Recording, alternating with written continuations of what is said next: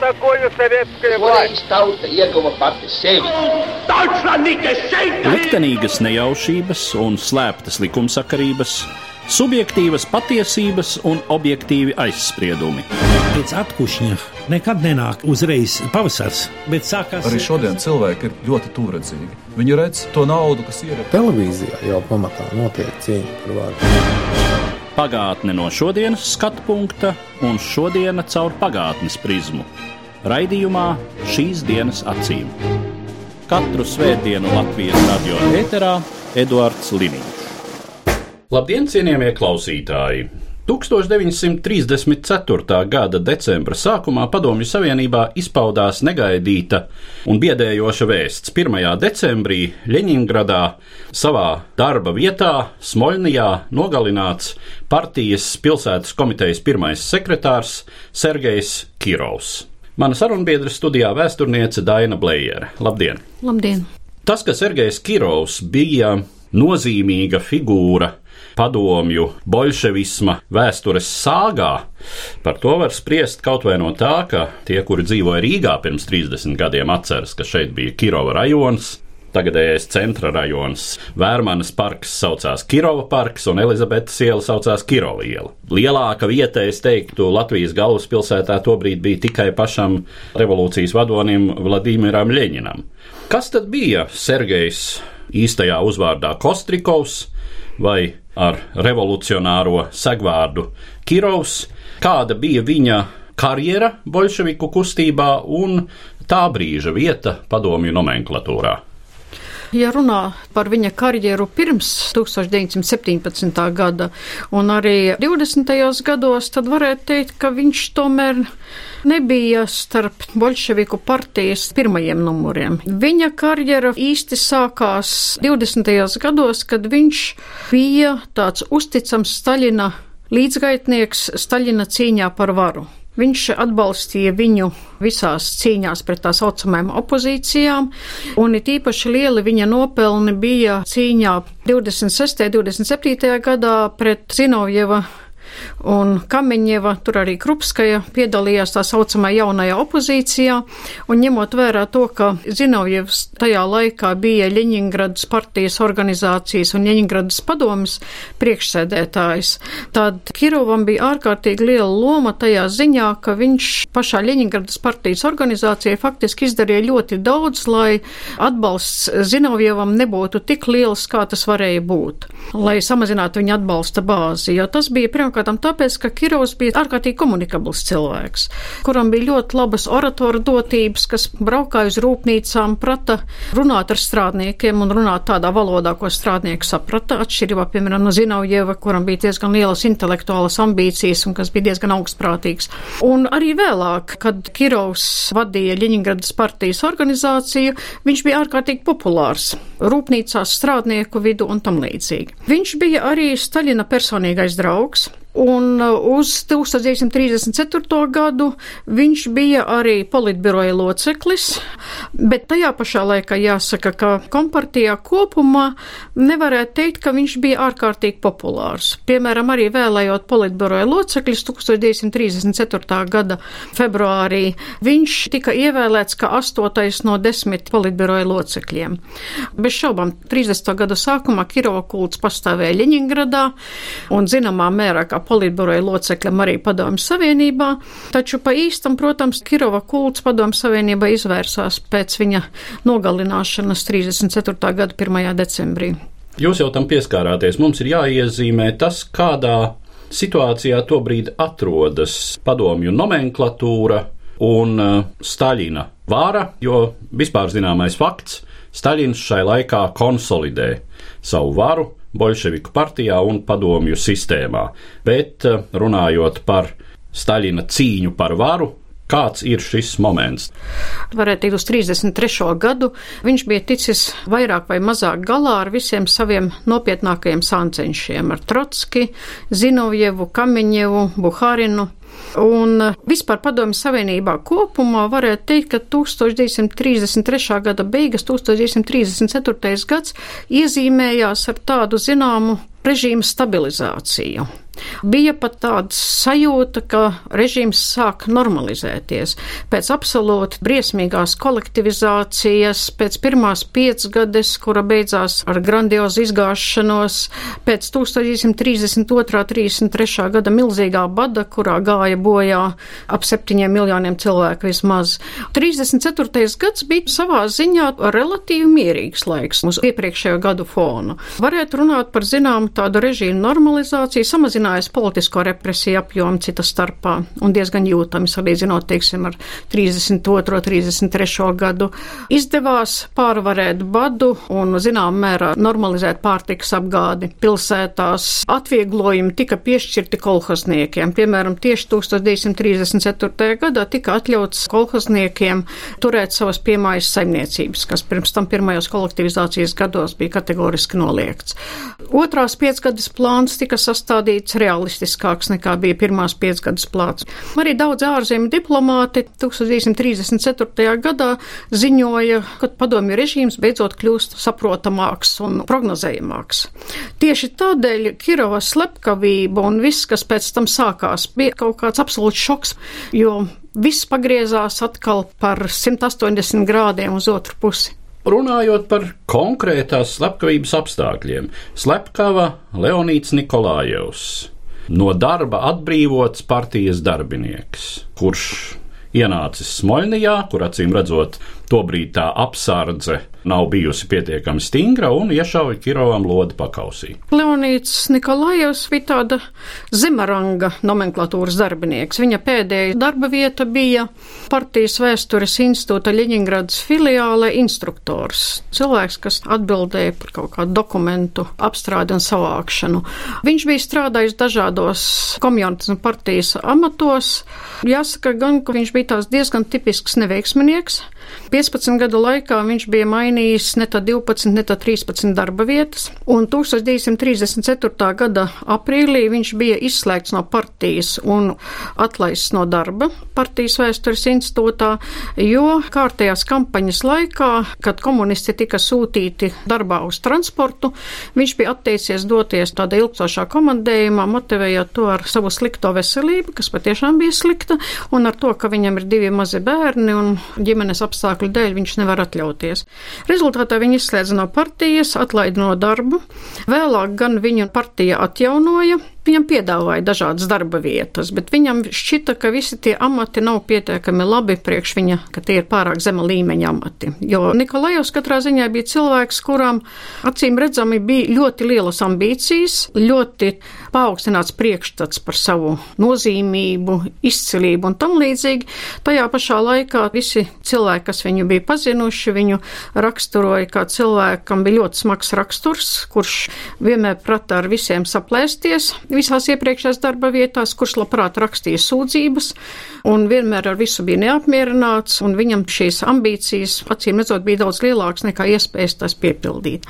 Tagad ir pētnieki, kuriem ir bijusi pieejama arī Nikolajeva dienas grāmata, ko viņš ir rakstījis, un šajā dienas grāmatā diezgan labi parādās tas, ka, kad viņš nonācis pie tās domas, ka viņam vajag veikt terora aktu, tas apmēram kaut kur 34. gada augustā, novembrī.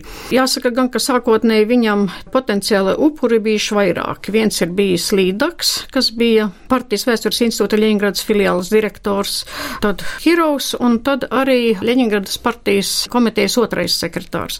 Bet beigu beigās viņš tomēr tā kā ir apstājies pie Kirova, kuram viņš, ap citu, arī bija rakstījis sūdzības. Viņš bija rakstījis Staļinam, bija rakstījis politbirojam, tam līdzīgi, bet acīm redzot, viņš bija plaši pazīstams kā tāds sūdzībnieks, un neviens īpaši nebija ņēmis galvā viņa sūdzības. Dienas grāmatās arī parādās, ka viņš iedomājās, ka viņš ies vēsture ar šo politisko slepkavību, ka viņš būs kā Žeļabovs un daudzi citi 19. gadsimta nogales Krievu teroristi kļūst tikpat slavens. Nu, savā ziņā viņam tas arī izdevās, tikai viņš nezināja, ka viņš aizraus līdzi savu sievu, savus bērnus, savus radiniekus tuvākos un ļoti daudz citus cilvēkus. Jā, runājot par Nikolāju sievu, latviešu komuniste Milda Draule Cik var spriest no tās fotogrāfijas, kas ir redzama populāros interneta resursos, tiešām pievilcīga sieviete, un eh, tiek piesaukts arī gluži personisks motīvs kā Milda Draule strādāja turpat Smoļnijā, kā partijas funkcionāre, un iespējams, ka viņai ar Kirovu bija kāds intīmas dabas sakars. Lai gan tas laikam īsti nerod apstiprinājumu Nikolāja dienas grāmatā. Jā, Nikolajeva dienas grāmatās nerod apstiprinājumu. Nevar, protams, noliegt, ka tāda iespēja pastāvēja, un šī versija, ka Nikolajeva slepkavība it kā balstījusies personīgos motīvos, tāda versija tajā laikā tieši uzreiz pēc slepkavības, piemēram, parādās arī rietumvalstu sūtņu ziņojumos no Maskavas un tam līdzīgi, acīm redzot, tā diezgan plaši tika to laika apspriesta. Nevar noliegt to faktu, ka varēja būt patiešām bijis Kirovam kaut kāds sakars ar Mildu Drauli, jo Kirovs vispār izcēlās ar tādu lielu interesi pret sievietēm. Nu, jā, lai gan tās fotogrāfijas varbūt neliecina, ka viņa bija tāda liela skaistula, bet daudz laika biedri ir teikuši, ka viņa ir bijis labs augums un izcili skaisti blondi mati. Bet uh, uz to brīdi, kad notika slepkavība, viņa faktiski vairs nestrādāja Smoļnijā. Viņas karjera it kā bija samērā sekmīga, bet pateicoties vīra raksturam un nespējai nekur iedzīvoties, lielā mērā arī viņai ļoti bieži nācās mainīt darba vietas. Tāda iespēja, ka viņa kaut kas ar Kirovu ir bijis, to nevar izslēgt, bet tajā pašā laikā, acīm redzot, tomēr spriežot pēc visa, tas nebija slepkavības motīvs.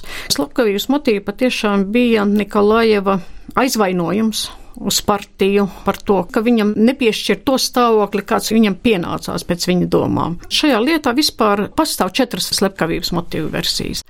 Pirmā versija ir, ko izvirzīja pāris dienas jau pēc slepkavības Staļins un kura tad tālāk arī tika intensīvi izstrādāta un sakarā ar kuru arī notika tiesas procesi un tika notiesāti cilvēki par to, ka tā ir sazvērestība, kuru ir organizējis tā saucamais Ļiņingradas centrs, kas bija saistīts ar Zinojevu un Kamiņevu. Otrā versija, kas bija populāra 50. gadu vidū, pēc Padomju Savienības komunistiskās partijas 20. kongresa Hruščova laikā, kad Staļins tika atmaskots, kā arī perestroikas laikā, 80. gadu beigās un 90. gada sākumā, ka šīs slepkavības organizators ir bijis pats Staļins kuram Kirovs it kā bijis sāncensis. Trešā versija ir tā, kura nu pat jau tika pieminēta, ka it kā šī slepkavība ir notikusi personisku motīvu dēļ, un savā laikā tā diezgan populāra bija Krieva emigrācijas aprindās 20. gadsimta 50. un 80. gados. Tā, protams, vēl joprojām populārās versijās, dzeltenās preses versijās. Jā, protams, ļoti ir... kinematogrāfiska versija, jāsaka. Jā, un tā arī pat dažās filmās parādās un tam līdzīgi. Un tā, kas šobrīd ir oficiāla versija, un spriežot pēc tiem materiāliem, kas ir nākuši atklātībā pēc 1991. gada acīm redzot pamatotākā, lai gan jāpiebilst šeit ir tas, ka Ļoti daudz ko mēs nezinām un neuzzināsim nekad, un, protams, visās šajās versijās mēs vienmēr varam runāt par to, ka pastāv kaut kāds procents, kaut kāda varbūtība, ka viss varbūt gluži nebija tā, kā mēs iedomājamies, bet tomēr šobrīd pēc visiem materiāliem, kas ir vēsturnieku rīcībā, vispamatotākā šķiet tā versija, ka Nikolajevs darbojās viens pats, nesaskaņojot to ne ar vienu un aiz personiski politiskiem motīviem. Tad, nu, jautājums, kas tad notiek pēc tam? Kā tad tiek, kā jūs teicāt, izstrādāta šī Staļina formulētā versija vainīgi revolūcijas ienaidnieki? Vienkārši Staļins ļoti veikli prata izmantot šo slepkavību, lai dotu triecienu visiem tiem sāncenšiem, kas jau bija degradēti, kas vairs nebija atbildīgos postaņos, bet tomēr kuriem vēl varēja būt kaut kādas ambīcijas un aiz kuriem varēja stāvēt kāda daļa partijas. Īpaši jau Zinovievam un Kamiņevam un Buhārinam. Bet uh, otra lieta ir tā, ka kaut kādā ziņā šī slepkavība arī rosināja Staļinā. Viņš tomēr bija tāda paranoidāla personība. Un kaut kādā ziņā visām šīm runām par šķiras ienaidniekiem un par to, ka šķiras ienaidnieki apdraud padomju varu, jo revolūcija tālāk iet uz priekšu, jo šķiras ienaidnieki kļūst niknāki. Šai versijai, kuru viņš pats bija izvirzījis, es domāju, ka kaut kādā ziņā viņš pats arī ticēja. Viņš patiešām bija satriekts un visi bija satriekti satriekti. Neviens to nebija gaidījis. Taču 1. decembrī un 2. decembrī Staļins un citi politbiroja locekļi ieradās Ļeņingradā. Līdz tam NKVD izmeklētājiem nebija tādas skaidras versijas. Viņi zinām mērā taustījās miglā. Atbrauca Staļins un viņš diezgan ātri jau izvirzīja savu versiju, un pēc tam pratināšanas un viss pārējais notika jau atbilstoši šai versijai, piemeklējot faktus pie šīs versijas. Un vēl viena lieta bija, ka tas kaut kādā ziņā palīdzēja uzkurināt īpaši kompartijas biedru vidū, bet plašākā sabiedrībā arī tādu masu histēriju, sajūtu, ka ienaidnieki ir visur un ka ar šiem ienaidniekiem ir jācīnās. Jau 1. decembrī, starp citu, dažas stundas pēc Kirovas slepkavības tika pieņemts dekrets, saskaņā ar kuru par terora aktiem un par dalību teroristiskās organizācijās tika noteikta īpaša izmeklēšanas un tiesu kārtība. Lietas bija jāizmeklē desmit dienu laikā. Tiesas process varēja notikt bez vainīgo piedalīšanās. Viņiem nebija tiesības uz apelācijām un uz kasācijas sūdzībām, un nāves sots bija jāizpilda uzreiz pēc tiesas sprieduma iznešanas. Tas bija ļoti svarīgs moments, kas palīdzēja šo 37. un 38. gada terora sistēmu lielā mērā nostiprināt. Pastiprinājās ārpus tiesas orgānu, tāda kā trojkas loma, un tika daudz kas cits izdarīts kas radīja labvēlīgu augsni represiju vilnim, kas notika 37. un 38. gadā. Starp Kirovas slepkavību un represijām, kas tam sekoja, un 37. un 38. gadu, faktiski jau 1936. gadā zināmā mērā šīs represijas bija jau daļai norimušas, un 37. un 38. gadā acīm redzot tas notika atkal jau citu iemeslu dēļ, bet tās pamats, lai masveida represijas notiktu, tiesiskais pamats, psiholoģiskais pamats, pamats, tā atmosfēra, kurā tas notika, tā faktiski tika radīta uzreiz jau pēc Kirovas slepkavības. Vai jūs piesauktā trojku sistēma, tātad trojka, trīs cilvēku tribunāls, kurā, kā jūs teicāt, apsūdzētajam nav tiesības uz advokātu, Viņš parasti arī nepiedalās. Tas notiek aizmuguriski, vienkārši šie spriedumi tika parakstīti. Jā, un um, var tikt pieņemti spriedumi uzreiz vairāku cilvēku sakarā, arī, kā mēs zinām, vēlāk 37. un 38. gadā vispār jau simtiem un tūkstošiem cilvēku tika ar vienu spriedumu notiesāti uz nāvi. Tad uh, šais trīniekos ietilpst attiecīgā rajona. Ja, atkarās no administratīvās vienības. Apgabalos bija trojkas un bija arī rajonu līmenī šīs trojkas. Tā tad NKVD, kas ir valsts drošības komitejas šefs. Iekšlietu orgānu, jo toreiz drošības orgāni bija iekšlietu sistēmas ietvaros iekļauti. Attiecīgās administratīvās vienības galvenais prokuratūras pārstāvis un partijas pārstāvis. Tātad šādā sastāvā tiek lemti šie cilvēku likteņi. Skaidrs, ka pirmie, pret kuriem vēršas, ir visi, kam varētu būt kāds sakars ar Nikolājevu. Tātad gan Milda Draule tiek nošauta, gan viņas māsa, gan māsas vīrs. Kas vēl ir tās cilvēku kategorijas, pret kurām vēršas šīs represijas? Šajā gadījumā formāli tā bija tiesa, kuru vadīja bēdīgi slavenais tiesas priekšsēdētājs Ulrichs, kas ļoti daudzos politiskās prāvās bija tiesas priekšsēdētājs. Pēc izcelsmes Baltijas vācietis. Jā, un šajā tiesā tika tiesāts Nikolājevs un vēl 13 vai 14 cilvēki, kuri pārstāvēja tā saucamo Ļeņģeradas centru. Tie bija cilvēki, lielu daļu no kuriem Nikolajovs bija pazinis no saviem komjaunatnes laikiem, kad viņš strādāja Ļeņģeradas Vīborgas rajona komjaunatnes komitejā, un šie bija cilvēki, kuri patiešām bija piedalījušies Zinovjeva opozīcijā. Bet tas nenozīmē, ka viņi bija kaut kādu centru dibinājuši un mēģinājuši noslepkavot Kirovu vai kaut ko tam līdzīgu. Viņš bija uzturējis ar viņiem kontaktus dabīgi, jo viņš par darbu interesējās un bija cīnījies par to, lai viņu atjauno partijā. Viņi viņu zināja, viņš arī viņus zināja. Tas arī viss. Plus vēl šai grupai tika pievienots arī Nikolaiva pusbrālis, kurš bija vispār dezertējis no sarkanās armijas, un viņam tur bija kaut kāda krimināla arī nodarījuma un tam līdzīgi. Viņš arī tika padarīts par teroristu šajā kontekstā. Otrā prāva bija tā, kur tiesāja Mildu Drauli, viņas māsu, māsas vīru un citus radiniekus. Un pēc tam notika vēl vairāki tiesas procesi. Kopsumā tika nošauti šķiet 17 cilvēki uzreiz. Ja nemaldos, pār par 70 tika notiesāti ar cietumsodiem. Pāri par 30 radinieku paziņu un tam līdzīgi tika izsūtīti administratīvā izsūtījumā. Pēc tam sākās arī tādas plašākas tīrīšanas Ļeņingradā, kad izsūtīja gandrīz tūkstoši cilvēkus, vācu tautības cilvēkus, dažādus bijušos cararmijas virsniekus un tam līdzīgi. Jāņem, protams, vērā arī tas, ka 37. un 38. gadā daudziem no tiem cilvēkiem, kam bija piespriesti cietumsodi vai administratīvais izsūtījums, viņiem par jaunu atkal tad trojkas piesprieda nāves sodu.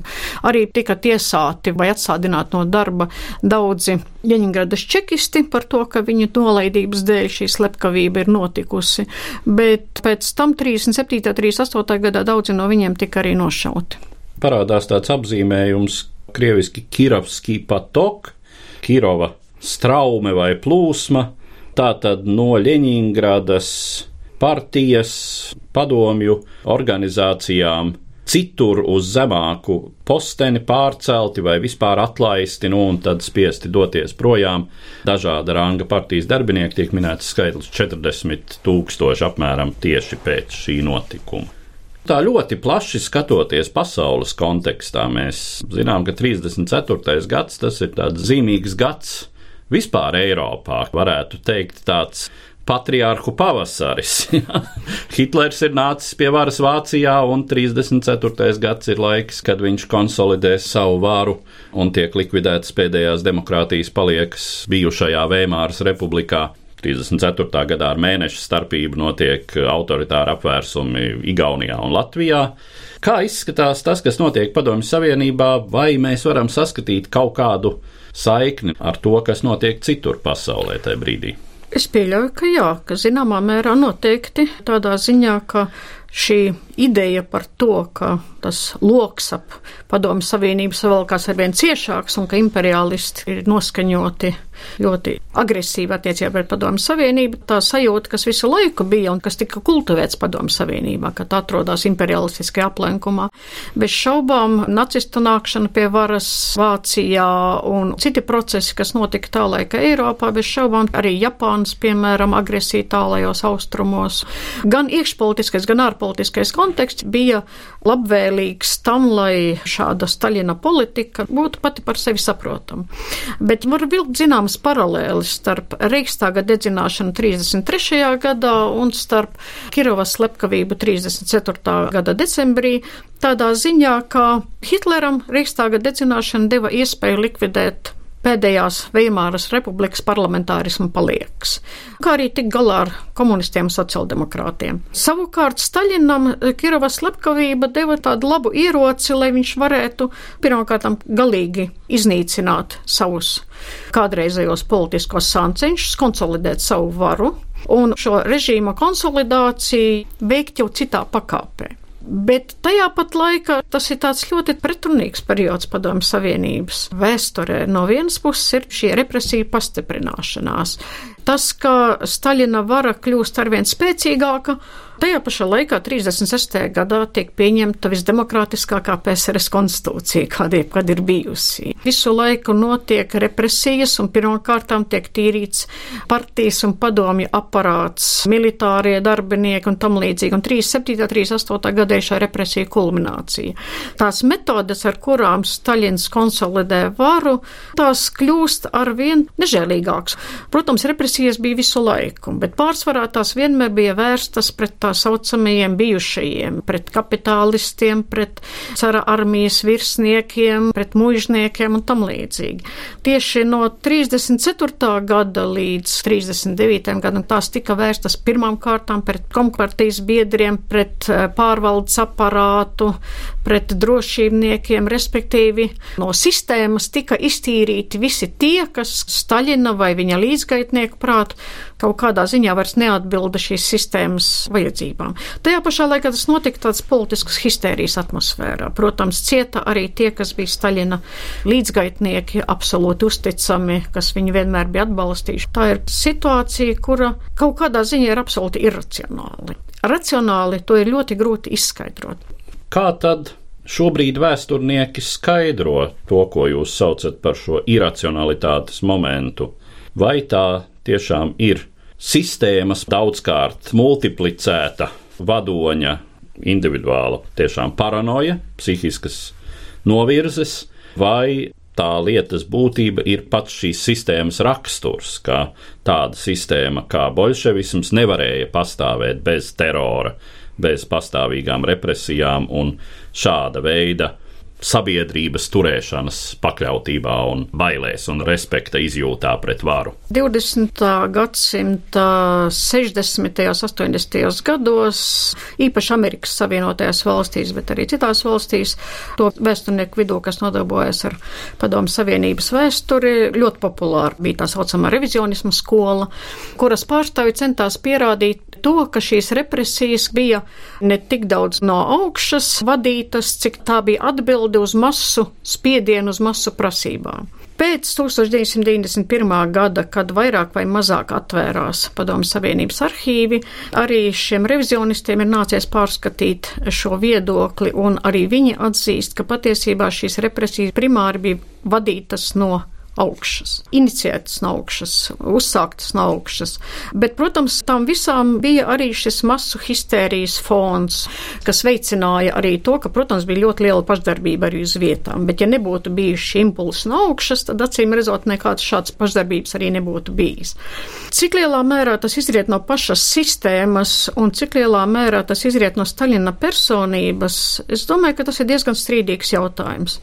Mans viedoklis varētu būt, ka tas ir apmēram pusi uz pusi, ka šeit bija gan šīs Staļina personības paranoidālās iezīmes, kas noteica iracionālu un reizēm neizskaidrojamo masu represiju gaitu un kāpēc izrēķināšanās notika. Ja Staļins varēja konsolidēt savu varu, arī šīm represijām nenotiekot tik ļoti masveidīgos mērogos. Jo jau kompartijas 17. kongress, kas notika 34. gada sākumā, tas jau parādīja, ka Staļina vara patiesība ir pietiekami konsolidēta, ka viņam nav nopietnas opozīcijas partijā un līdz ar to, protams, arī padomu savienībā kopumā.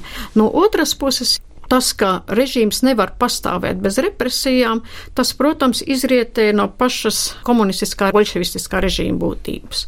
Jo represijas bija attaisnojums visam. Represijas liecina, tātad mums ir ienaidnieki, ja mums iet slikti, mums, teiksim, ar ekonomiku nav sevišķi labi, cilvēkiem zemes dzīves līmenis un viss pārējais, tas ir tāpēc, ka mums ir daudz ienaidnieku, ārēju un iekšēju, ka mums nākās ar viņiem cīnīties, mums nākās veltīt resursus aizsardzībai un drošībai un vienkārši mums neatliek visam, un ka mēs tiksim galā ar šiem ienaidniekiem, tad beidzot mēs uzcelsim komunismu.